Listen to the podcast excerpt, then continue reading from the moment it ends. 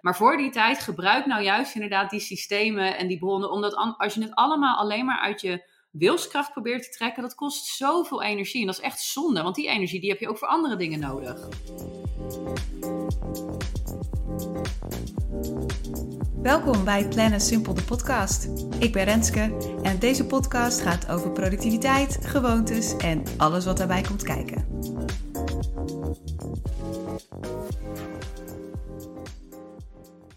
Wat is jouw ochtendroutine?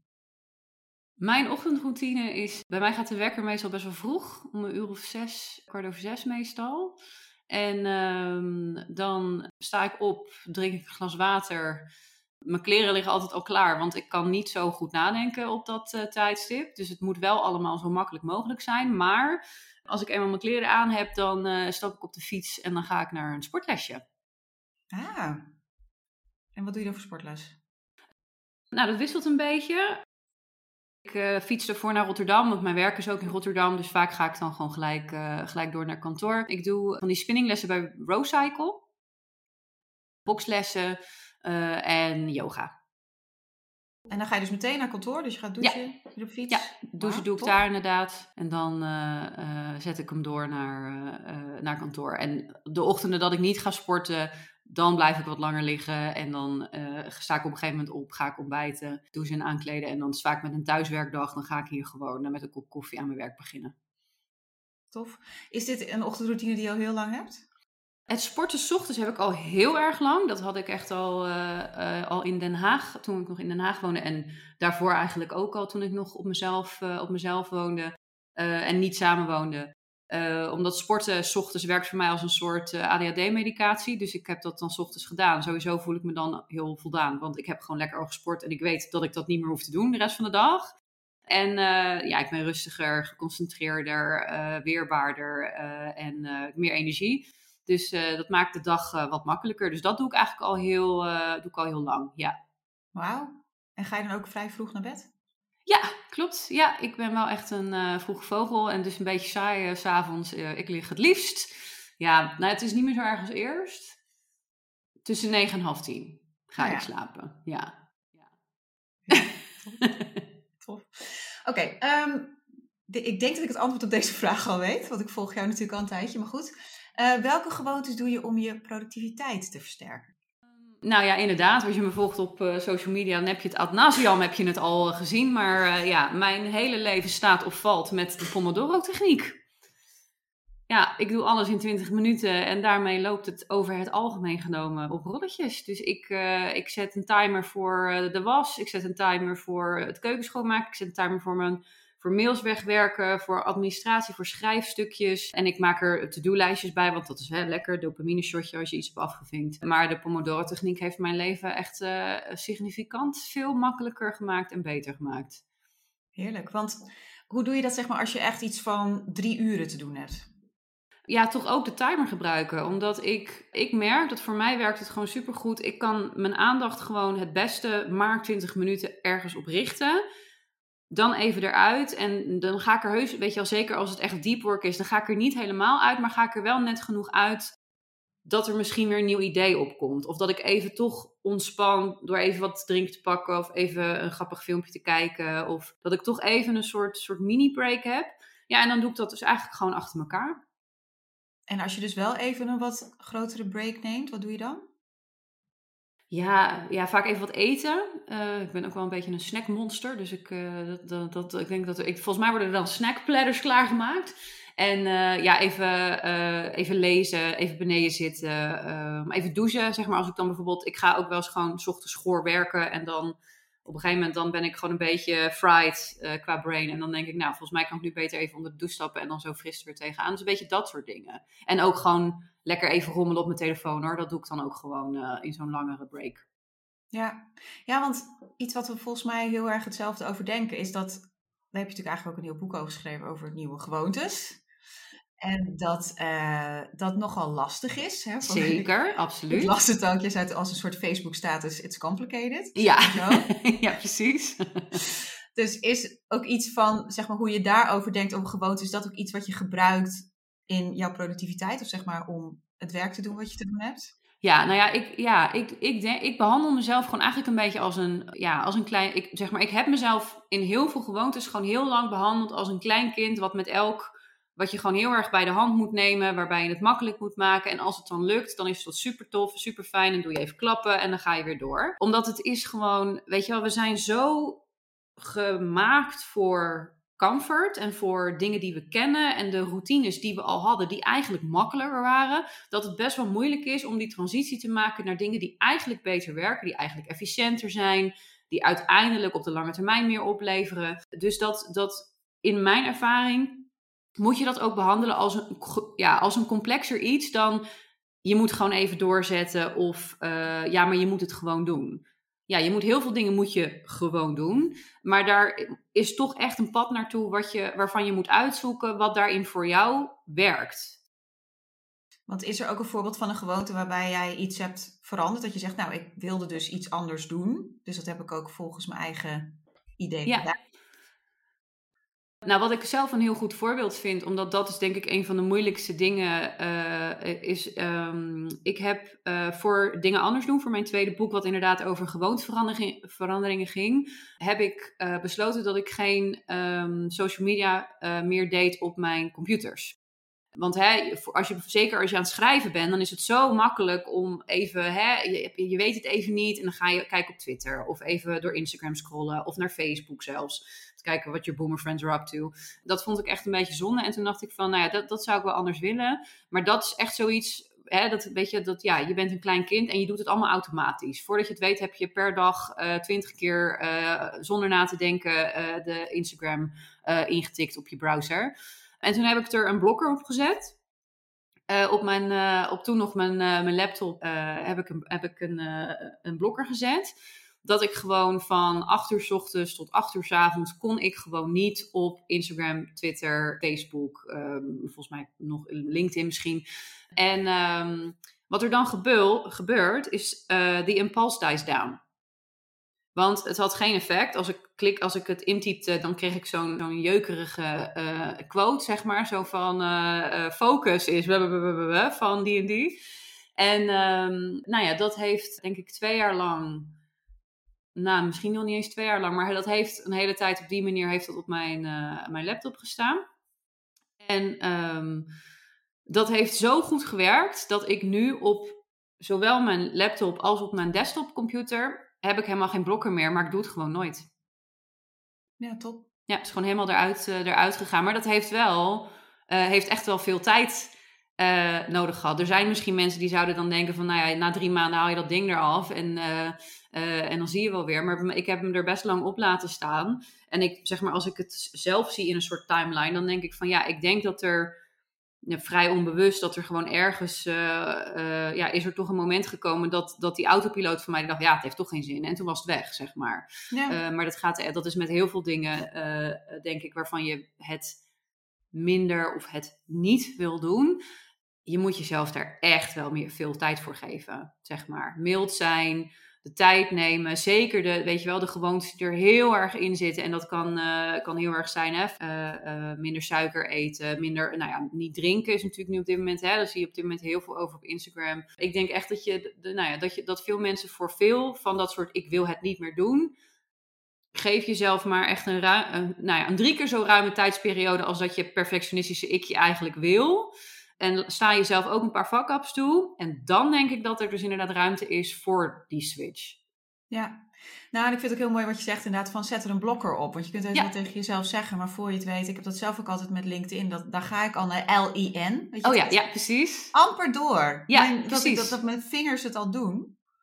En ik hoorde laatst ook een, een, schrijver, die had zelfs, ik heb het ook even opgezocht, dat is dus iets nieuws. Dat is een um, scherm op e-ink technologie, dus ja. de, van een e-reader met een toetsenbord. En dat is het gewoon. Dus het is een soort ouderwetse typemachine in een modern jasje. Dus, en die e-ink ding, dat synchroniseert dus wel gewoon met... Nou, je kunt het dus heel makkelijk downloaden en gebruiken. Maar dan heb je dus nul ja, oh, triggers of wat dan ook om ergens anders te kijken. Ja. En dat vind ik dus inderdaad heel top dat je gewoon nu methodes ook hebt om heel actief die impulsen te beheersen. Ja, precies. En doordat je er gewoon eigenlijk dus een, een, uh, een resource op, op zet. Hetzelfde eigenlijk met, ik heb dat ook gedaan met uh, social media op mijn telefoon. Ik heb ook een, uh, een paar keer gewoon al mijn accounts voor drie maanden uh, aan iemand anders gegeven. Dan moesten zij het wachtwoord veranderen en dan had ik gewoon een detox, zeg maar. Um, en dat heb ik, nou ja, ik denk dat ik dat vier keer gedaan heb of zo.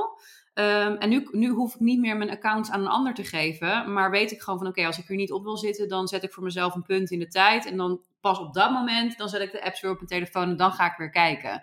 Maar voor die tijd gebruik nou juist inderdaad die systemen en die bronnen. Omdat als je het allemaal alleen maar uit je wilskracht probeert te trekken, dat kost zoveel energie. En dat is echt zonde, want die energie die heb je ook voor andere dingen nodig. Ja, en het is, ik heb ook altijd het idee dat dat wordt zo vaak gezegd. Van ja, het is discipline en weet ik het allemaal. Terwijl ik denk, dan ben je dus inderdaad meteen ook super streng op jezelf. Van, ja. ja, dat lukt mij niet. En ik zie allemaal mensen die het wel doen en die zeggen dat ik gewoon te gedisciplineerd moet zijn. Ja, precies. Ja, en, dat, uh, nou ja, en ik, zodra die zelfkritiek begint, dan sta je denk ik gelijk 5-0 achter. Want volgens mij is dat die negatieve zelftalk van ja, het lukt me toch niet. Uh, ja, al die andere mensen die kunnen het blijkbaar beter dan ik. Ja, dat, dat maakt juist uh, volgens mij de kansen op dat het hè, dat je verder komt, wat minder groot. Nou, zie, ik wist wel. Wat denk je gewoon? Je had, ja, je had gewoon gelijk, ja. Oké, okay, uh, welke gewoonte heb je waarvan je denkt dat anderen die niet zo snel hebben? Oh, dat is wel grappig dat ik, daar, dat ik daar niet in één keer een antwoord op heb, zeg maar. Ik denk dat we allemaal uh, um,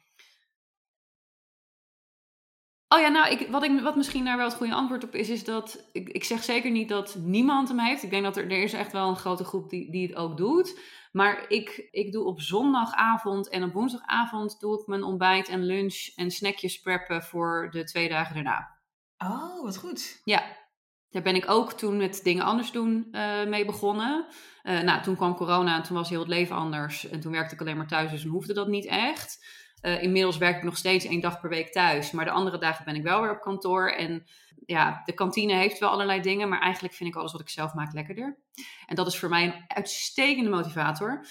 Dus op zondag, uh, ja, of tijdens het koken of even ergens middags. Uh, en woensdag op mijn vrije dag, dan maak ik eigenlijk eventjes ja, salades en yoghurt of overnight oats. en een bakje met groenten of nootjes of zoiets. En dat staat dan klaar voor uh, donderdag en vrijdag. En dan hoef ik daar ook niet meer over na te denken. Wat tof dit. Ja, en jij hebt ook bepaalde kookboeken hè, die jij vrij fantastisch vindt. Kunnen we daar nog eentje voor tippen? Uh, nou, ik heb, in december heb ik het kookboek van het uh, restaurant de Shoem gekregen van Vin. Dat is een Indiaas restaurant in Londen. En dat is echt, nou, droom nog steeds over de okra fries die ik daar heb gegeten. En daar hebben we, uh, uh, of nou ja, Vindy heeft echt heel mooi uh, naan leren maken uit dat kookboek. En we hebben er ook hele lekkere curry's uit, uitgemaakt. Maar wij, zijn, wij koken ook heel veel ottolenghi. Oh ja. Dat vind ik ook wel echt, want dat is ook heel vaak heel plantaardig, een beetje bijzondere smaken, maar ook weer niet zo ingewikkeld.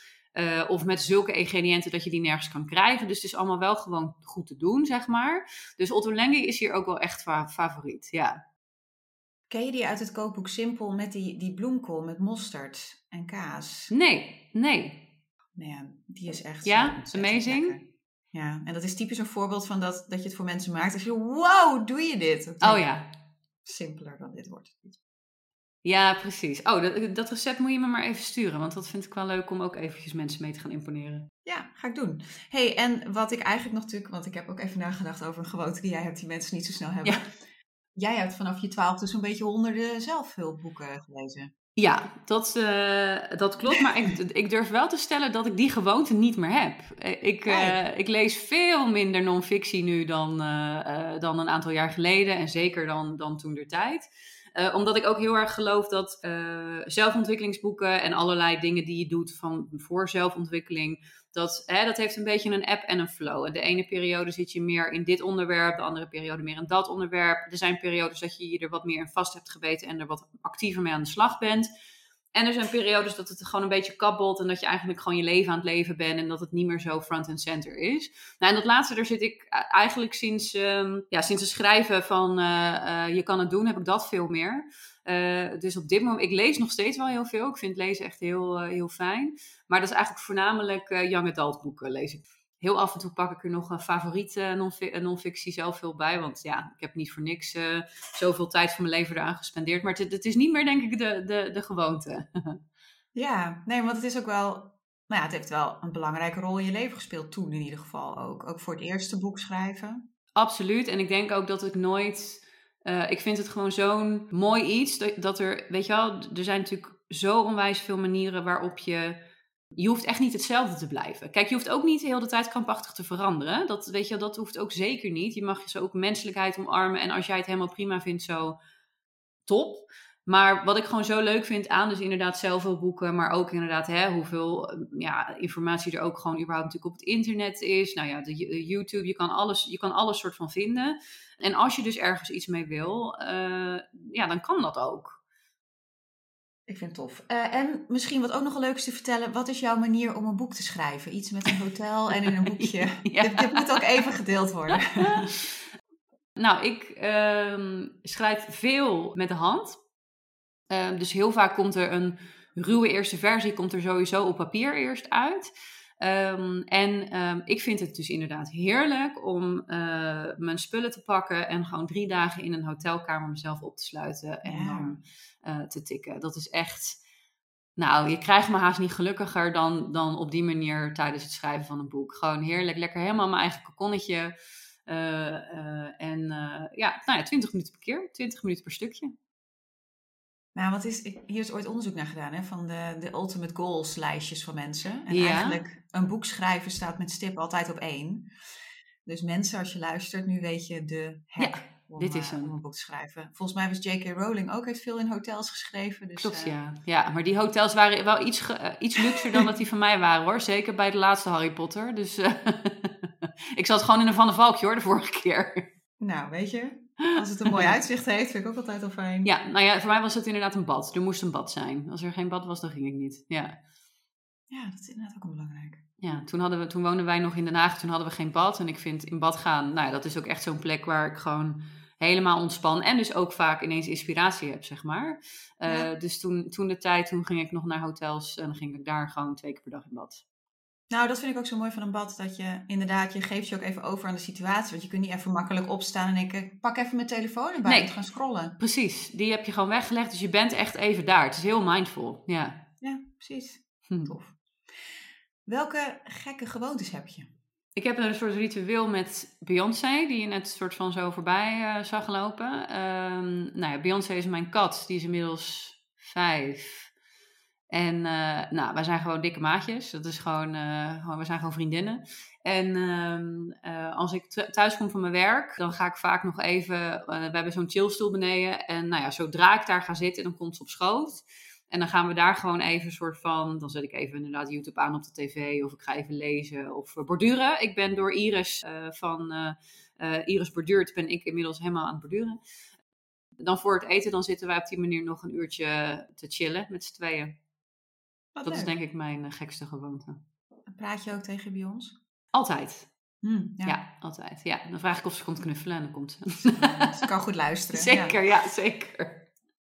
Ja, heel erg tof. Ik, ja, volgens mij is het niet zo heel gek hoor. Ik denk dat, dit Ik denk dat er veel mensen zijn die. eh, eh, maar ik doe het inderdaad echt als ik dan terugkom van werk. Om echt even ook soort van thuis te landen. En een beetje te ontkoppelen ook weer van de werkdag. Ik zit te denken of nog. Heb jij, heb jij gekke gewoontes, Renske? Heb je misschien ooit wel eens verteld al in je podcast. Maar. Ja, ik zit te denken. Nou, wat ik, wat ik zelf altijd wel een gekke van mezelf vind, is dat ik een, eh, een appje heb die ook op mijn smartwatch staat. Eh, en daar kan ik die random ideeën mee vangen die ik Oh, heb ja. als ik aan het wandelen ben bijvoorbeeld. Oh, maar dat goed. ziet er natuurlijk wel een beetje gek uit, want dan zit ik zo midden op straat zo. als een James Bond in mijn horloge te praten. Dus dat is altijd wel een, eh, wel een leuke. Zeker. Ja, maar ik heb er inderdaad wel eens een lijstje van gemaakt, omdat een vriendin heeft al aangeboden. zei, Ik ga een keertje de vragenlijst aan jou stellen. Ja, precies. Dat iemand jou interviewt. Ja. Maar het is altijd wel een grappige dat in je, als je inderdaad er even zo on the spot over moet nadenken. Van nou ja, dat voor jezelf is natuurlijk niet gek. Nee, precies. Ja, is een beetje, zeg maar, ik roep dus heel de dag tegen mijn telefoon: Hey Siri, set a timer for 20 minutes. Want ik heb, wel, ik heb ook wel, zeg maar, echt zo'n Pomodoro-app, maar dan moet ik met. Oh, zie je, daar ging Nou, die. Maar dat, eh, eh, ja, dan heb ik geen zin om, die, om mijn telefoon te pakken, zeg maar, echt, echt iets mee te doen. Dus dat werkt dan. Dat werkt, dus dat, dat is misschien ook wel gek dat ik dat zo doe. Nou, voor de luisteraars, ik hou nu even mijn kubus omhoog voor Lianne. Oh ja, die vind ik zo sexy. Die, die staat ook nog wel een beetje soort van op mijn verlanglijstje van leuk eh productiviteitsstoel. Ja, die vind ik ook echt heerlijk. Dus dan inderdaad Pomodoro, of tenminste als ik denk van ik ga nu een half uur knallen, dan uh, draai ik hem om en dan uh, bam. Ja, ja, top. Dus ik zet hem in de show notes. Met, klinkt dat oh, heerlijk, ja. Welke gewoonte ben je ooit met goede moed aan begonnen, maar doe je nu eigenlijk niks meer mee? Minder suiker eten. Mm. Ja, dat heb ik toen voor dingen anders doen. Heb ik dat echt wel een tijdje goed gedaan. En wat ik daar dus ook van, van merkte, was dat ik Um, uh, wat, wat gewoon echt goed werkt, is het niet in huis hebben. Uh, maar de downside daarvan is, is dat ik heel zagrijnig ben als ik iets wel echt op dat moment heel graag wil en het is niet gewoon in de voorraadkast. Maar dat, uh, dat klinkt misschien een beetje stom of verwend, maar het is namelijk niet zo dat als het bij, bij mij in de kast ligt, dat ik het dan per se moet eten. Of dat als ik het pak, uh, dat ik het dan gelijk helemaal opeet. Ik heb gewoon, soms heb ik zin in een stukje chocola of een bounty of een hele lekkere chocolademousse die ze bij Crisp hebben. En ik vind het gewoon fijn dat het er is. Zodat ik weet dat als ik er echt heel erg trek in heb, dat ik het kan, kan pakken. En ik durf wel te zeggen dat ik, ik eet echt wel gezond, maar ik eet ook gewoon lekker suiker. Dus inderdaad, een toetje zoals even een paar happen chocolademousse. En uh, een stukje Tony bij, uh, bij de thee, zeg maar. Dat soort, dus min, minder, minder snoepen is gewoon, uh, staat, niet echt, staat niet op de prioriteitenlijst. En doe ik ook gewoon niet meer, denk ik. Nee. ik vond het zelf ook dat ik had nu een kerstpakket met allemaal zoete meuk erin. Maar dan merk je dat wel dat je het gewoon gaat eten. Terwijl, ik vind het eigenlijk niet eens zo heel lekker. Een van mijn uitspraken is altijd van, it has to be worth the calories, zeg maar. Ja, zeker. Ja, dat is, dat, ja maar dat is dus bij ons thuis ook wel grappig van Finn, die heeft, Finn en ik hebben een hele andere snacksmaak, zeg maar. Ik wil het liefst gewoon lees naturel ribbelchips. Die vind ik super lekker. Die zijn helemaal perfect. Ik, heb, tegenwoordig vind ik ook uh, salt en vinegar, maar dat is echt een beetje mijn... Zo exotisch is mijn chipsmaak. En hij wil echt het liefst croaky, Kentucky Fried Chicken, herbs met onion en cheddar-achtige situaties even een ge, verbasterde idee. Wat er dus gewoon heel vaak gebeurt, is dan pakt hij die en zegt hij, wil je een beetje? Dan zeg ik, ja, nee. Want die vind ik gewoon, ja, die wil, die wil ik inderdaad dan niet. Um, maar, in het, maar met zo'n kerstpakket, dat is wel... Want dat zijn dan allemaal best, dat ziet er allemaal best leuk uit. En het is ook leuk, want je hebt het gekregen. Maar daarvan is het inderdaad heel vaak, dan zit je te eten en denk je, ja, ik geloof niet dat ik hier toch echt heel blij van word. En dan is het inderdaad toch misschien een beetje zonde ja, denk ik dus eigenlijk, ik had het eigenlijk of moeten doneren, want ik hou niet van eten weg. Nee, precies. Ja, aan andere mensen geven die het wel echt lekker vinden. Ja, ja. ja dus mijn techniek is nu, want we zijn dus net verhuisd, dus veel bezoek. Dus dan zet ik het gewoon op tafel. Verstandig. Ja. Werkt het goed. Meteen weer een life hack tip. Ja.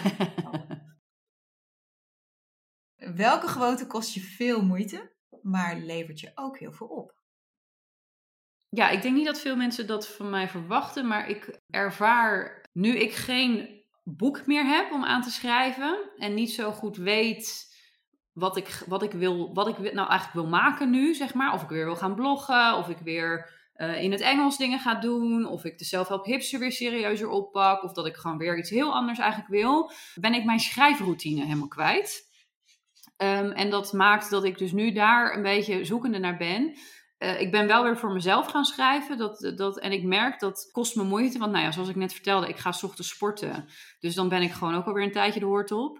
Um, en als ik s'avonds... Ja, s'avonds heb ik er dan toch misschien niet zo heel veel zin meer in of zo. Maar als ik het doe, dan merk ik gewoon gelijk... Mijn hoofd wordt leger. Ik krijg überhaupt weer meer inspiratie. Je gaat toch meer een richting vinden. Dus die, uh, uh, die zit er op dit moment niet goed in.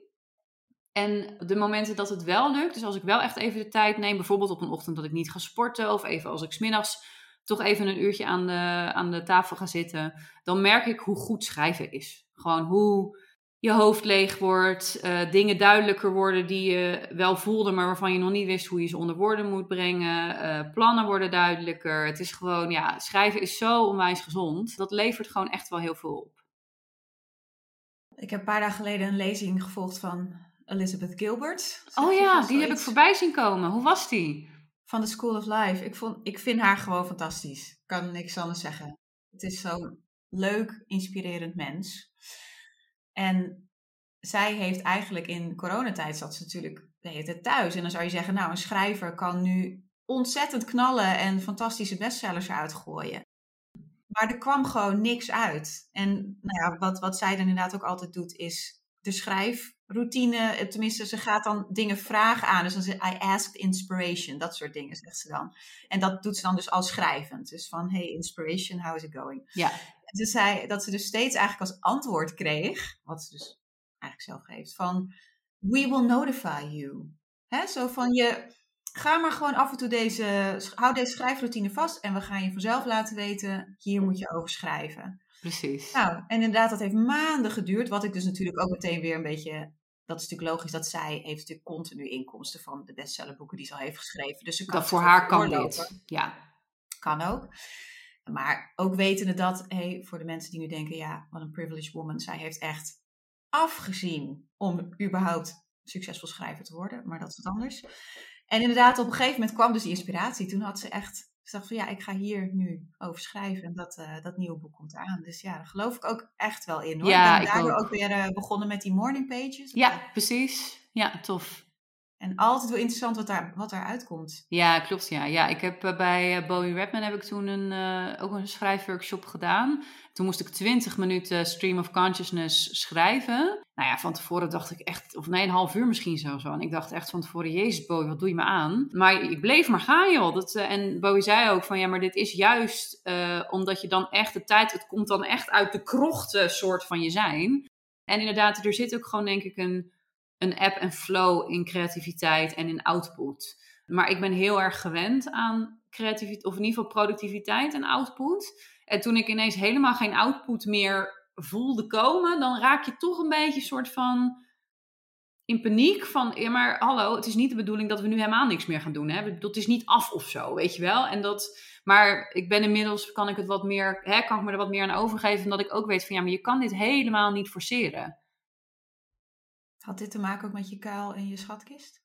Ja, ja en ook wat ik uh, in, uh, ja, ik denk september of oktober toen ook op Instagram zei van ja, ik weet het gewoon niet. Ik ben besluiteloos. Ik, weet je wel, ik denk, oh, ik vind dit leuk om te doen. Ik zou dit bijvoorbeeld, hè, qua promotie voor mijn boek willen schrijven. Ik zou uh, uh, weer eens wat meer willen doen met, met de Self-Help Hipster. En dat waren allemaal van die losse flarden. En they, they all died on the vine. Omdat ik er gewoon bij stond. En dat ik gewoon dacht, ja, maar ik voel dit allemaal helemaal nu niet.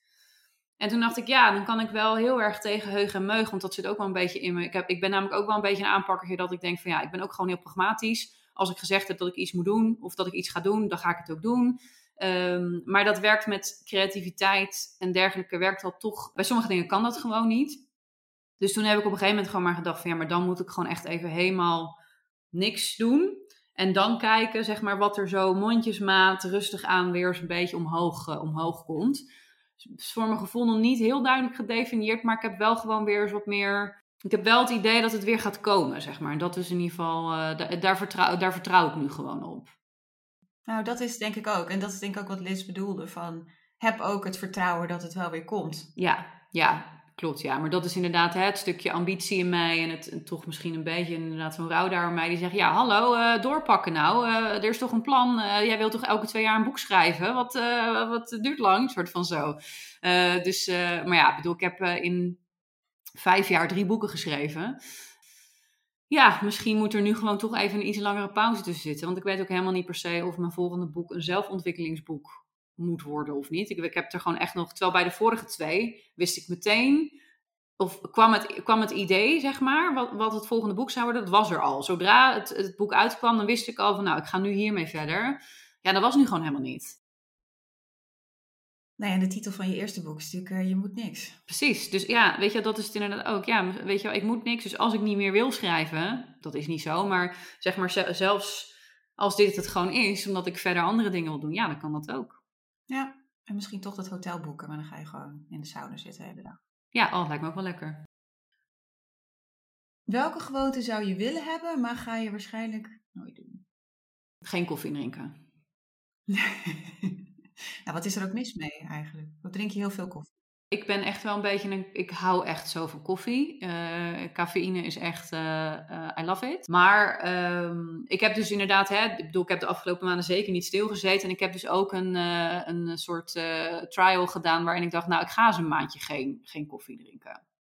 En dat kan echt wel. Dat, dat is een beetje. Het is het stomme. Ik denk, ja, het kan wel, maar het is gewoon niet leuk. Dus, Nee. dus het kan wel. Dus ik dronk dan gemberthee. eh, en we hadden decaf ko- eh, eh, koffiebonen en zo. Het kan allemaal wel.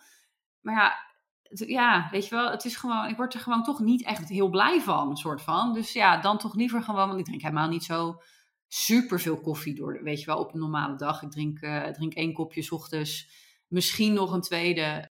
eh, en dat is het dan wel. Maar, ehm, eh, dus ik, ik, ik vind, ik heb, ik heb een soort, ja, hoe zeg je dat? Een beetje een soort fascinatie slash neutrale eh jaloezie tegenover mensen die dus heel veel dingen niet meer doen. Dus inderdaad, die helemaal niet meer drinken, eh, die helemaal geen koffie meer drinken, die helemaal geen suiker eten. En dat zijn allemaal helemaal niet dingen die ik ambieer, maar eh, die gewoon helemaal niet bij mij passen. Ik zeg maar, ik wil gewoon zoveel mogelijk van alles. Zeg maar, heel veel van mijn gewoontes zijn gefocust op meer van iets. Dus meer sporten, meer groenten, meer offline tijd, een beetje dat soort dingen. Dus ik vind dat, eh, ehm, ik zou dat soms wel eens wat meer willen doen of kunnen, maar het, het past gewoon toch niet echt bij me. Nee, en ik vind ook eigenlijk ook wel dat als je iets dus echt minder doet. Ik wil dus van die slechte dingen geen gewoonte maken. Maar daardoor geniet je er dus echt super intens van. Ik, oh. ik, zal geen mening geven in dit soort dingen. Want natuurlijk, ik vind het inderdaad ook heel knap voor mensen als ze dingen helemaal niet doen. Ja, Maar iets minder doen, of veel minder doen, is natuurlijk ook ja precies. En, dat, en, ik, en ik, dat zou ik inderdaad echt wel willen dat. eh, dat probeerde ik ook echt wel in dingen anders doen, ook wel te prediken. En dat zou ik sowieso wat, wat meer willen. Ehm, in gewoonteverandering is het heel erg alles of niets. Je doet iets helemaal of je doet het helemaal niet. Terwijl in de realiteit is dat heel onrealistisch en ook, nou, dat kost best wel veel energie. Het kost meer energie om te zeggen, ik moet vijf keer per week sporten. Dat moet altijd. Terwijl je misschien een leven hebt waarin dat de ene week wel eens een keer lukt, maar dat je ook wel eens een week hebt met kinderen die niet slapen, dat dat echt absoluut geen optie is. Eh, en dan word je er echt, dan, dan voelt het ook gelijk weer heel erg als falen. Terwijl als je het een beetje hebt van, nou, hè, als ik tussen de twee en de vier, eh, vier red, dan is dat eigenlijk een beetje zo'n soort ja, framework. Eh, en datzelfde geldt dan net zo goed voor, nou, ik wil door de week niet drinken, maar op vrijdag neem ik een wijntje of ik neem één kop koffie per dag. Ehm, dat is vaak gewoon toch wat werkbaarder. Ik zou willen dat we daarin wat meer, ehm, nou ja, dat we als mensen dus eigenlijk meer die, die tussenruimte, dat grijze stuk dus tolereren van, ja, ik doe het een beetje en dat mag ook. En dat is beter dan het alternatief van iets helemaal niet meer doen, wat goed is voor je. Want dat gebeurt er ook. Als je dan een week niet vijf keer per week hebt gesport, dan ga je maar helemaal niet meer. Dat is natuurlijk ook hartstikke zonde. Dus eh, ja, het zou wel wat meer, eh, ehm, ja, ja, gematigd vind ik gewoon toch daarin. Klinkt niet sexy, dingen gematigd doen, maar het werkt wel heel goed. Nou, dat is ook een titel voor je nieuwe boek dan. Ja, gematigd leven. Ja. En het is oké. Waarom het oké is. Ja, zo. ja, precies. Ja. Nou, ik denk dat dat dus inderdaad wel maakt dat we daardoor wat meer genieten ook. ja, zeker. Dus, Ja. Eh, ik ben benieuwd naar het antwoord op deze. Welke gewoonte heb je omdat het volgens de huidige culturele regels zo hoort, maar eigenlijk heb je er helemaal niks mee? Nou, dat vind ik wel echt een hele leuke vraag. Want ik denk dat er heel veel dingen zijn die je doet omdat, je, ja, omdat het status quo is. Omdat het de norm is en iedereen doet het en, en zo. Ik de, wat, ik, wat, wat in me opkomt, is blijven tot iedereen weggaat. Oh ja. Doe ik wel, doe ik niet bij iedereen en altijd. Maar dat is wel echt iets wat ik uit mezelf nooit zo lang zou doen als dat ik het wel, denk ik, heb gedaan. Want ja, bij mij gaat op een gegeven moment gaat gewoon helemaal het licht uit. Ik, ja, ik ben eigenlijk dus best wel introvert. Dat ik laat gewoon van maar heel weinig mensen echt op. Dus als je mij in een groep zet, dan ben ik daarna, ook al kom ik over alsof ik daar heel veel energie van krijg, ik ben daarna klaar. Dus, eh, en ik heb best wel een grote familie, dus vroeger waren er heel veel verjaardagen, eh, hè, deden we heel veel dingen samen. En mijn moeder die zei altijd, bij jou kon je precies zien wanneer het over was. En dan was het gewoon echt, zeg maar, nou, je zei nog wel wat, maar dat, het was dan zo'n groot verschil met het uur ervoor. Ik zou eerder hebben willen, dat willen accepteren van mezelf, van ja, ik kan niet heel de dag gezellig doen of zo in zo'n, in zo'n setting. Dus dan moet ik of eerst een uur boven in mijn eentje zitten lezen en weer terug naar beneden kunnen komen. Of eh, ik moet gewoon naar huis. Ja. Dus dat, dat is hem denk ik voor mij. Ja, heel herkenbaar. Ja? Ik had, eh, volgens mij vandaag had, eh, uh, Marloes de Vries heet zij, ze had gedeeld van hoeveel mensen gebruiken de wc om... Ja, ja. Oh, de, uh, Marloes van de illustraties, hè, is dat? Ja, precies. Ja, leuk, ja. ja. En dat echt 91% of zo had geantwoord van ja, ik gebruik het nou ja, niet alleen om naar de wc te gaan, maar gewoon om even eruit te stappen. Ja, even precies. opladen. Even, ja, ja. Op mijn boekenborrel uh, weet ik ook dat er mensen waren die dat even deden. Want ja, je trekt natuurlijk allemaal gelijkgestemden aan. Weet ik dat het, weet dat, dat, dat vonden, het is echt niet dat ze het dan niet gezellig vonden. Maar ja, het zijn wel veel prikkels en, en alles. En dan ja, even naar het toilet om uh, even te ontprikkelen. Ja, precies. En de, de Hollandse drie zoenen, hoe sta je daar tegenover? Ja, ik heb daar dus helemaal niks mee. Uh, dus dat is, een, dat is ook wel een hele goeie. Maar wat ik dus wel grappig vind, is dat sowieso sinds corona kom je daar ook veel makkelijker onderuit dan ervoor. Dus ik doe nu heel vaak gewoon even zo: hey allemaal, gefeliciteerd of zo, als je dan ergens komt. Um, en wat ik sowieso heb, van ja, ik wil mijn vrienden gewoon knuffelen. Ja. Dus wat ik bij, weet je wel, bij de mensen die me echt, die echt dicht bij mijn hart liggen, die, die sla ik gewoon mijn arm omheen. En geef dan vaak wel een kus op de wang. Maar dat is gewoon heel ja, ik weet niet, puur gewoon zo van, jee, hallo, we zien elkaar weer. Um, dus ik, ik vaker een kus of een knuffel eigenlijk nu dan, uh, en dat ook maar dus maar met een, met een, met een kleiner groepje. Dus eigenlijk ook weer dat matige. Ja, ook weer gewoon matige, precies. Ja, ja. Dat wordt een boek Ja. nou ja, here's hoping. Voor welke gewoonte heb je een Ulysses contract nodig met jezelf?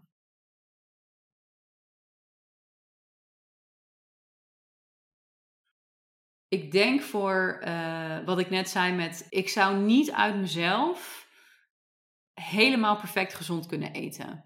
Als je mij echt, hè, stel, uh, ik zou een doel hebben van, ja, ik wil, uh, ik veel, meedoen met zo'n zo'n soort hysterische crossfit-wedstrijd, of ik wil zoveel kilo afvallen. Nou, die ambitie heb ik helemaal niet, maar even ter, ter voorbeeld dan zou ik echt, daar, daar zou ik echt soort van uh, heel dik op in moeten zetten. Dan moet er echt iemand zijn aan wie ik het elke dag moet doorgeven wat ik doe. Uh, iemand die. Uh, kijk, want ik vind sporten hartstikke leuk. Maar zodra iemand mijn vetpercentage meet, dan ben ik gelijk helemaal unsubscribe. Leon has left the group chat. Ja, dat hoeft voor mij echt allemaal helemaal niet. Dus, dus voor de, terwijl ik vind gezond eten echt wel heel fijn. Maar als het betekent dat er helemaal geen uh, wijntje, uh, chocola, uh, gewoon zo'n lekkere dikke pan met mac and cheese met superveel kaas. Ja, als dat niet meer, niet meer kan, dat kan ik echt niet alleen. Dat, dat zit er bij mij gewoon niet in. Nee. Nee, dus dan heb je inderdaad echt. Want is dat wel zo dat je dan, om het dus wel te kunnen doen, heb je dus eigenlijk iemand nodig vooral? Ja. Aan wie je verantwoording moet afleggen? Ja, en wat, ik, wat inderdaad misschien ook ja, maar ik denk niet dat dat voldoende voor mij zou werken. Maar wat, wat, wat bijvoorbeeld ook in me opkomt, dat als je dat dan wil, dat je dus inderdaad je inschrijft voor, dat je je echt inschrijft voor zo'n zieke wedstrijd. Of voor de marathon. Of, uh, of dat je bij een of ander clubje gaat, wat, waarbij iedereen dat doet. Ik zou me dan echt een soort à la een cult, zou ik me daarin moeten wentelen voordat dat lukt, denk ik. Ja, ja, en vaak ook een groot bedrag neertellen, hè? dat helpt ook goed. Ja, precies. Ja, ja die investering, uh, dat is ook echt wel een ding. Ja, precies. Ja, ik zou er, ik zou er enorm in moeten investeren. Ja. Oké, okay, top. Misschien lijkt het erop, welke gewoonte wil je eigenlijk doorbreken? Ik ben mijn leesgewoonte een beetje kwijt en die is nu uh, YouTube-filmpjes kijken in bed. Uh, dat is al een tijdje zo en um, ik slaap verder prima, dus het, is niet, uh, het heeft daar gelukkig niet zo heel veel effect op. Maar maakt het ook niet per se. Nou ja, ik, trouwens, ik denk wel dat ik beter sliep als ik gewoon las in bed en dan in slaap viel. Maar nu kijk ik toch gewoon, weet je wel, van, van favoriete YouTubers, kijk kookvideo's. Het is dus niet hele heftige content of zo, maar ik zou, dat, ik zou dat niet meer in bed willen doen. Kijk, YouTube, love YouTube, is gewoon heel leuk en grappig. En, uh, maar ik merk dat dat, dat dat in bed kijken, dat wil ik eigenlijk wel doorbreken. Ja. Maar we hebben nu te maken met een goede trendbreuk, hè? Want je favoriete boek is uit. Ja, en dat heeft enorm geholpen, want uh, we zijn al op een derde. dus uh, gisteravond heb ik inderdaad niet op YouTube gezeten in bed, maar ben ik gewoon weer, mijn, ben ik weer gaan lezen. Ja. ja, voor de luisteraars, ik ben een enorme fan van het boek Ninth House van uh, Lebar Dugo. Zij heeft ook uh, de boeken geschreven over de Grisha, uh, wat ook een Netflix-serie is geworden. Shadow ja. and Bone heette, die, heette daar volgens mij eentje van. En um, ja, van de Six of Crows. en daar dan weer allerlei. nou, en ik vind Ninth House, vind ik denk ik, nou ja, het is gewoon zo weergeloos goed. Het is echt mijn favoriete boek. Ik heb die ook echt wel zo vaak herlezen. En ik heb een, uh, een, een papieren versie, die staat helemaal vol met aantekeningen. En nou is gisteren is dus het vervolg uitgekomen. En het is echt weer... Ja, I love it. Ik ben gewoon zo gelukkig. Het is echt gewoon, ja, echt, ik heb echt een topdag vandaag. Heerlijk. Ja, ik zit te denken, ik heb Six of Crows inderdaad gelezen, volgens mij op jouw aanraden. Ja. Oh, wat leuk, ja. Ja. Ja, die vind ik ook heel leuk. En die, uh, dat is, ja, wat ik heel grappig vind, is dat zij is dat gaan schrijven uh, geïnspireerd door Oceans 11 en zo. Dus door echt door de want het is natuurlijk eigenlijk een heist. Ja, ja. Komt eigenlijk een beetje daaruit. Ja. Maar, maar dan met een paar superpowers, ja. Ja, precies. Nee, dan met superpowers. cool. Wanneer had je een overnight succes? Niet.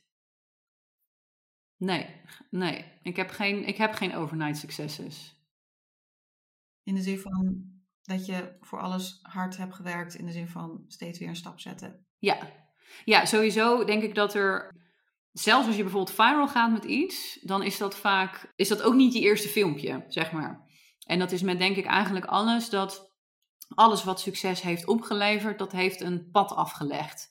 Um, en dat is in mijn geval ook zo dat, nou ja, zeg maar, de, um, voordat dit mijn eerste boek uitkwam, schreef ik al tien jaar online. Er is zo onwijs veel wat ik daarvoor allemaal al gedaan heb en ook tussen de boeken door gedaan heb, dat ik, dat ik niet. Ik denk dat er maar weinig dingen echt een overnight succes kunnen zijn. Ja, maar het lijkt dan net zo.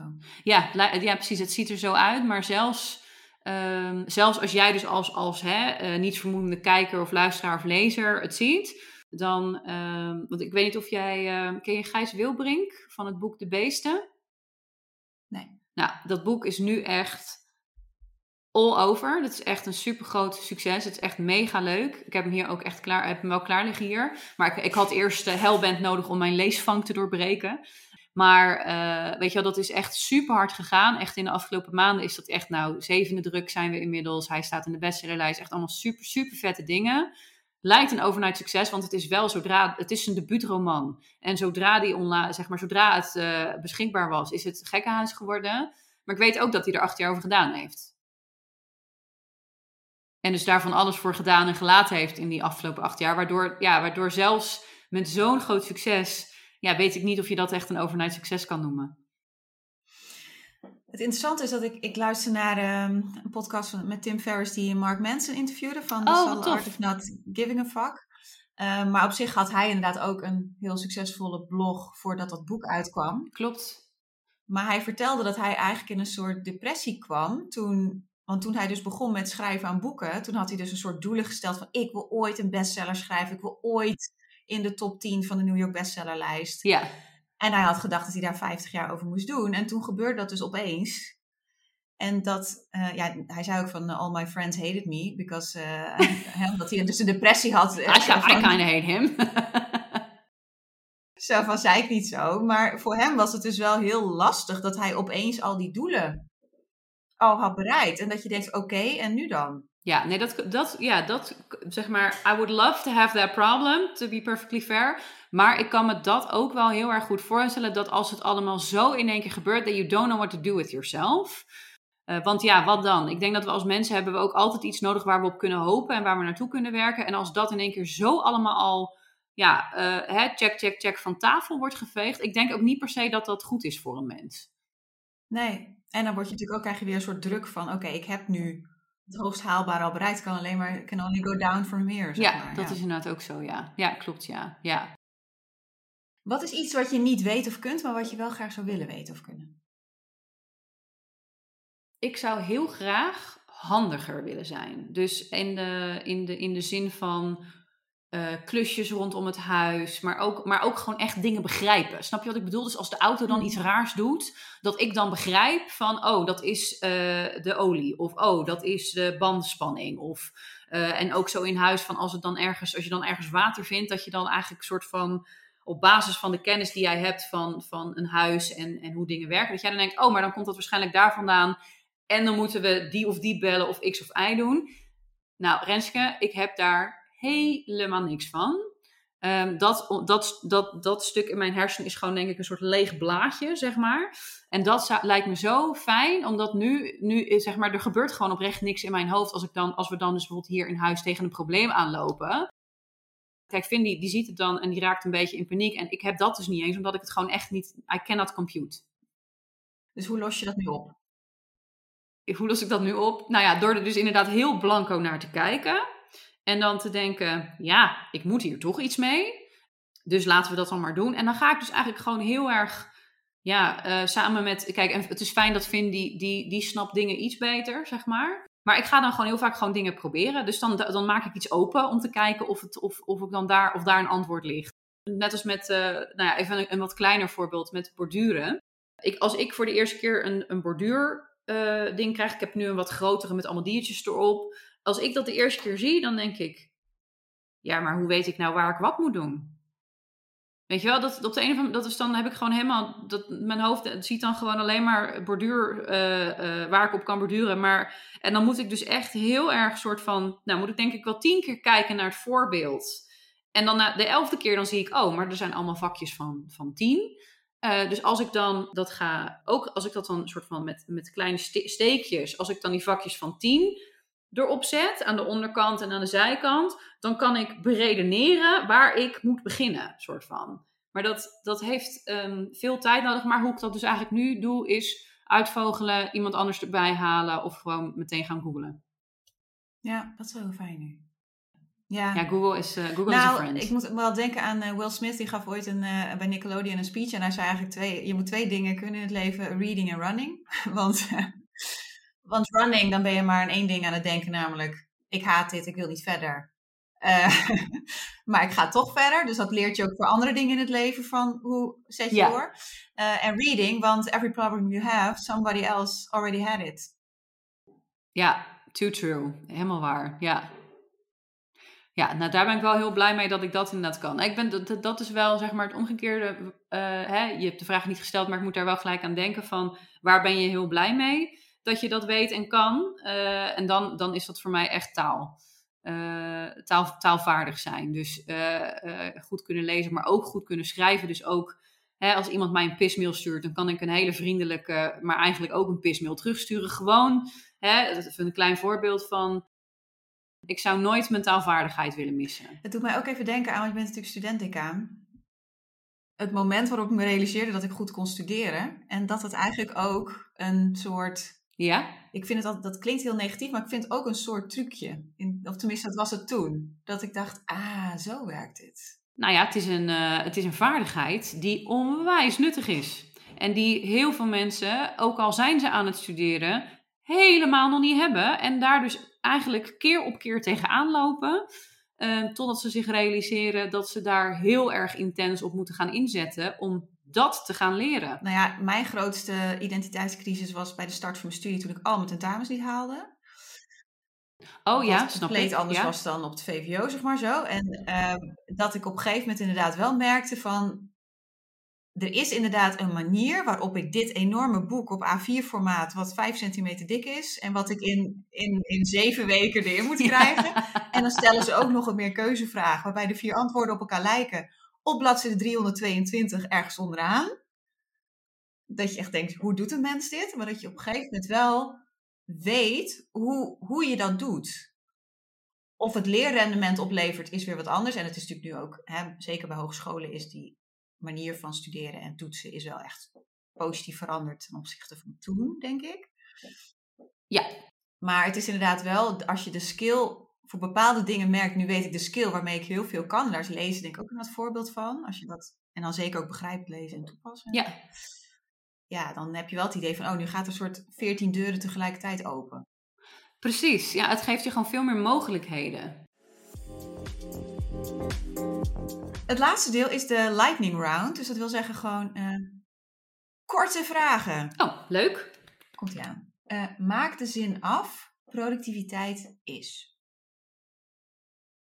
je eigen leven uh, zo leuk en makkelijk mogelijk maken. Wat is de laatste serie die je hebt gezien? Binge-watched, moeilijk woord. Wednesday. Oh, ja. Enig op Netflix. Echt heel, echt gewoon een soort van gezellig om te kijken. Ja, het, li- het lijkt me dus helemaal niks, maar het schijnt een van de populairste nu te zijn ooit. Ja, ik, eh, je moet wel denk ik een beetje van, van Harry Potter-achtige eh, situaties houden. Een beetje fantasy moet je wel, wel liggen, maar super goed geacteerd. Leuke soundtrack. Verhaal zit lekker in elkaar. eh, lekker een beetje spannend. I love dit. Oké, ik ben al om. Je moet vandaag een tatoeage nemen. Welke wordt het? Dan zou ik denk ik de quote Leave Tonight or Live and Die This Way van Fast Car van Tracy Chapman ergens neerzetten. Oké, wacht even. Nog een keer herhalen. Hoe is deze zin? Eh, leave Tonight or Live and Die This Way. Wauw.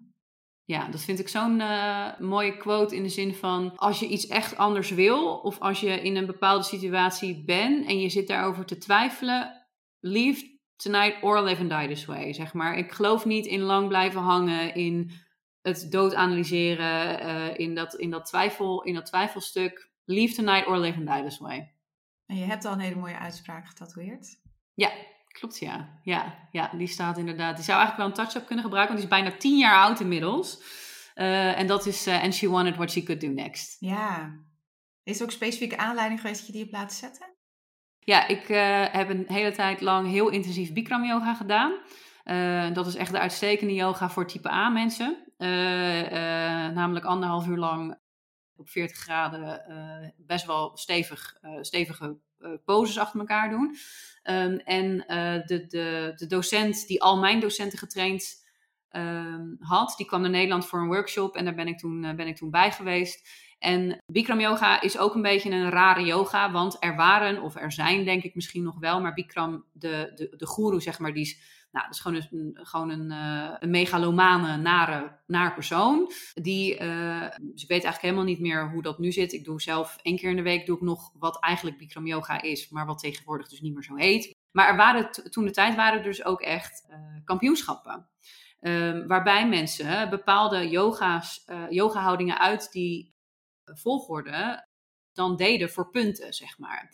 En dat is natuurlijk eigenlijk heel, heel raar, want dat, dat, is, dat past helemaal niet bij yoga. Yoga is niet competitief, yoga is alles, is er gewoon en veel meer open. Dus, maar wat zij zei, eigenlijk dus inderdaad over, ehm, de, over zo'n kampioenschap wat dan gedaan, zo'n competitie dan gedaan wordt en de mensen die daarin trainden. Dus ook de, bijvoorbeeld ja, de, de kampioen, zeg maar. Want het gaat helemaal niet om dat je beter wordt dan een ander. En het gaat ook helemaal niet eens om de vergelijking. Het gaat om de, ja, om de benieuwdheid van naar hoe ver kan ik? Wat kan ik? Hoe, wat doet dit met mij, zeg maar? Um, en toen zei, toen zei zij iets, dus inderdaad in de trant van, uh, over, voor mij die, uh, die kampioen heette Casper, van Casper uh, wasn't worried about his competition or about other people. He was just wondering what he could do next. En dat vond ik heel mooi, um, omdat ik denk van, ja, dat is, zeg maar, ik hoef helemaal niet beter te zijn dan een ander. En ik wil helemaal niet winnen van iemand anders. En ik wil niet in een competitie zijn met, met anderen, maar ik ben gewoon benieuwd dat als ik doe wat ik leuk en belangrijk vind, wat ik dan nog meer kan doen en wat, wat er dan nog meer is. Ik vind het zo mooi gezegd. Ja. Dankjewel. Ja. Ja, en ook een stuk, ik vind het sowieso ook heel fijn om in het leven te staan met dat, dat stuk nieuwsgierigheid. Ja, ja, maar dat is het inderdaad echt. Dat is echt die, nou ja, die oprechte nieuwsgierigheid van... oh, vet, ik, ik wil dit nu doen. Ik ga eens kijken hoe ver ik daarmee kom. Of ik ga dit eens een tijdje proberen. In plaats van dat het dan... Uh, nou, hè, richting een, hoe het zich verhoudt tot een ander... of tot, nou, überhaupt succes. Wat natuurlijk ook hè, de maatschappij natuurlijk wel heel erg vervlochten zit. Um, ja, dat maakt het wat opener en dus speelser. En ik denk dat dat gezond is. Um, welk boek neem je mee naar een onbewoond eiland... waar je de rest van je leven moet doorbrengen? Ninth House. Ja, echt? Ja. cool. Ja. Misschien kun je dan een soort omnibus doen. Dat je die een Ja, dan mag ik ze allebei meenemen inderdaad. Precies. Ja, slim. Lifehack. Je hebt een gratis vrije dag en 1000 euro zakgeld. Wat ga je doen? Oh, heerlijk. Um, ik denk dat ik, um, uh, nou, ik denk dat ik gewoon ga sporten, want dat vind ik lekker. Maar dan ga ik, daarna ga ik denk ik, uh, neem ik mijn beste vriendin Susanna, die neem ik mee. Dan gaan we super uitgebreid gaan we lunchen bij een uh, mooi restaurant. En dan slaap ik s'avonds slaap ik in een mooi hotel. Met een bad. Met een bad, precies. Jacuzzi. Ja. Wat is je favoriete app waar eigenlijk misschien wel veel te veel van je tijd naartoe gaat? Oh, ik moet eigenlijk even op mijn telefoon kijken. Ik weet het eigenlijk niet. Ja, iPhone houdt het bij, hè? Ja, dat is ook zo inderdaad. Ja, ik denk WhatsApp. Ik zit gewoon wel heel de dag gewoon een beetje gezellig te appen met vriendinnen en, en met Finn en collega's en zo. Ja, ik denk dat het, ik denk dat het WhatsApp is. Ja. Heb je de geluidjes aanstaan of iets? Nee, nee, nee, nee zeker niet. Nee, nee. Maar toch, weet je, ik vind het gewoon gezellig. Dan, als je dan iets meemaakt, dat je dan hè, je vriendinnen verappt of uh, uh, dat ik Finn een foto stuur van, uh, van de kat als hij op zijn werk is. Weet je, ik denk dat daar, daar kan ik natuurlijk even dubbel checken. Terwijl je mij, je mag me de volgende vraag stellen hoor. Maar, ja, en voor de mensen die Lianne hierna gaan volgen, af en toe dan deelt ze een screenshot van dit soort hilarische gesprekken. Ja, ja klopt ja. Wat leuk is. En wat is een boek uit jouw Midnight Library? En dit is dus de vraag die eigenlijk vraagt van, hè, want nou ja, ik had, we hadden het net even in de voorbespreking daarover, ik heb het boek niet gelezen, van hoe had mijn leven anders kunnen lopen? Wat was een andere route geweest, hè? Ja, het, is, het wordt ook wel eens verwezen als het sliding doors moment. Ja. Of je dat wat zegt, ja. Mijn sliding doors moment is um, zijn denk ik twee dingen geweest. Eén, ik ging psychologie studeren en dat was meteen een schot in de roos, waarmee eigenlijk heel veel dingen van mijn leven dus ook gelijk makkelijker werden. Namelijk, uh, ik had gelijk een goede studie gevonden, die ging ik gewoon doen. Uh, na vijf jaar was ik afgestudeerd, ik ging uh, op de universiteit werken en zo liep ineens mijn loopbaan. Kijk, natuurlijk waren er ook wel crisismomenten van, oh wat moet ik met mijn leven, de quarterlife crisis en zo. Maar eigenlijk was dat best wel een soort van heel rechtlijnig. Ik denk dat als ik dat niet had gedaan, dan denk ik dat ik misschien wel een docentenopleiding was gaan doen. En dan was ik er denk ik op enig moment achter gekomen dat ik helemaal niet heel de dag voor groepen kinderen wil staan of jongvolwassenen wil staan. En dan had ik alsnog iets anders moeten gaan doen. Dus dat is één, denk ik. Um, en twee is, uh, uh, ik heb uh, Vincent, het licht van mijn bestaan, zoals ik hem op Instagram altijd noem, heb ik leren kennen via Tinder. Um, mijn vorige relatie was echt nog helemaal niet zo lang uit, echt nog maar twee, drie weken of zo. En toen hadden wij al gematcht met elkaar. Uh, uh, toen had, ik, had, ik had Tinder geïnstalleerd en toen was hij uh, een van mijn matches. En hij was, ik deed verder nog helemaal niet zoveel met die app. ik had alleen een beetje met mensen dus gechat en, met, en toen kwam Finn. En hij was zo grappig dat ik hem toen meteen mijn telefoonnummer heb gegeven. En um, ik vraag me inderdaad wel eens af van wat zou er gebeurd zijn als ik dus niet op kerstochtend uh, met hem had gematcht en een heel grappig gesprek had gehad. Um, nou, en ik denk dat er dan heel veel dingen in mijn leven minder leuk en fijn en makkelijk zouden zijn geweest als ik niet zo'n leuke, zo'n leuke vriend had opgedoken. Weet je nog wat er. Eh, wat, nou ja, je hebt toch op eh, Tinder een soort tagline in je profiel? Ik weet er weinig van.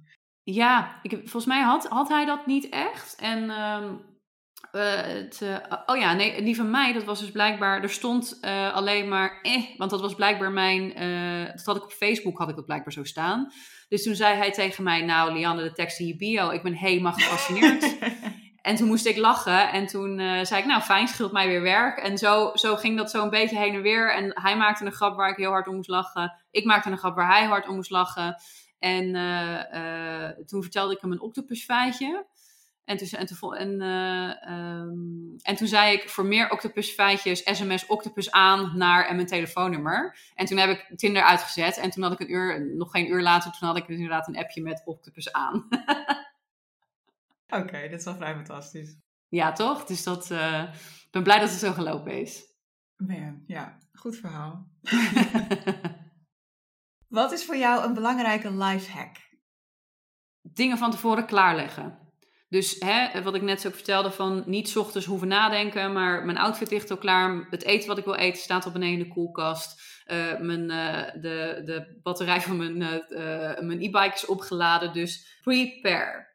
Gewoon, en dat, want het kost namelijk helemaal niet zoveel tijd uiteindelijk in het totaal. Dus nou ja, again, everything can be done in 20 minutes. Maar dat maakt alles makkelijker. Dat is de life hack. Ja, Heel Steve Jobs ook dit, hè? want het was niet dat hij per se hield van zwarte kooltruien. Maar... Precies, maar dat was gewoon wel, kostte gewoon veel minder tijd, ja. Ideaal. Ja. De slotvraag. What are you most excited about in your life right now? Nou ja, mijn nieuwe boek dat ik zo lekker op de, in de chillstoel mag met een dekentje. En uh, dat ik mijn, uh, mijn, favoriete, uh, ja, mijn favoriete hoofdpersoon weer lekker mag volgen. Oh nee, trouwens, dat, dat is even in het klein en in het groot. Ik doe, de, ik doe een jaartraining oplossingsgericht werken en coachen. En dat is echt fenomenaal. Dat is onwijs leuk, geeft onwijs veel energie. Eh, en dan heb ik elke maand heb ik dus een trainingsdag in Utrecht. En dat zijn gewoon mijn lievelingsdagen van de maand. Dat is zo, weet je wel, het is best lang. Want je zit gewoon van half tien tot half vijf ben je er best heel intensief mee bezig. Uh, maar ik kom altijd super energiek, kom ik naar buiten. Is dit iets wat je op persoonlijk vlak doet of is het in het kader van je werk ook? Nee, het is in het kader van mijn werk. Uh, het is een hele fijne coachingsstrategie met studenten. Zeker onze populatie, onze HBO-studenten, ja, die zijn, die zijn best wel zelfbewust. Uh, en die kunnen heel veel dingen echt wel heel erg goed zelf. Alleen, we praten altijd allemaal alleen maar in, problemen. We hebben heel veel taal en woorden voor, voor problemen en de dingen die niet goed gaan. En we moeten echt oefenen met praten over wat we willen, wat we anders willen gaan doen, wat, uh, wat de gewenste situatie is. En dat is heel logisch dat we dat niet zo erg uit onszelf doen. Maar het is heel goed te leren om iemand anders daar dus bij te helpen. Ja, focus dus op de schatkist en niet de kuil. Precies, focus op de schatkist en niet, niet blijven kijken naar de kuil. Exact, ja. ja, die zal blijven hangen bij me. Ik zal even de link naar de post ook. Uh, oh ja, tof. Ja, ja. ja, nee, dat heeft mij toen uh, enorm ook op persoonlijk vlak geholpen. En uh, ja, ik zit er nu ook zo onwijs veel beter bij dan, dan toen de tijd. Dus weet je, er is gewoon altijd, wat, wat er ook gaande is, er is altijd een gewenste situatie waar je naartoe kunt gaan bewegen. Ja, en ik vind het ook altijd mooi met dit soort opleidingen. Ik heb bijvoorbeeld ook, toen ik nog bij de hogeschool werkte, um, provocatief coachen gedaan. En dan, oh, dan super tof. Dan doe je dat natuurlijk voor de studenten die je coacht. Ja. Maar je, het is altijd interessant bij dat soort opleidingen wat je er zelf ook weer uit haalt. Ja, absoluut. Ja, je neemt er altijd zelf ook weer heel veel uit mee, inderdaad. Klopt. Ja. Provocatief coachen vind ik ook heel leuk. Ja, dat was echt vrij fantastisch. Maar goed. Wordt ook weer een andere podcast. ja, precies.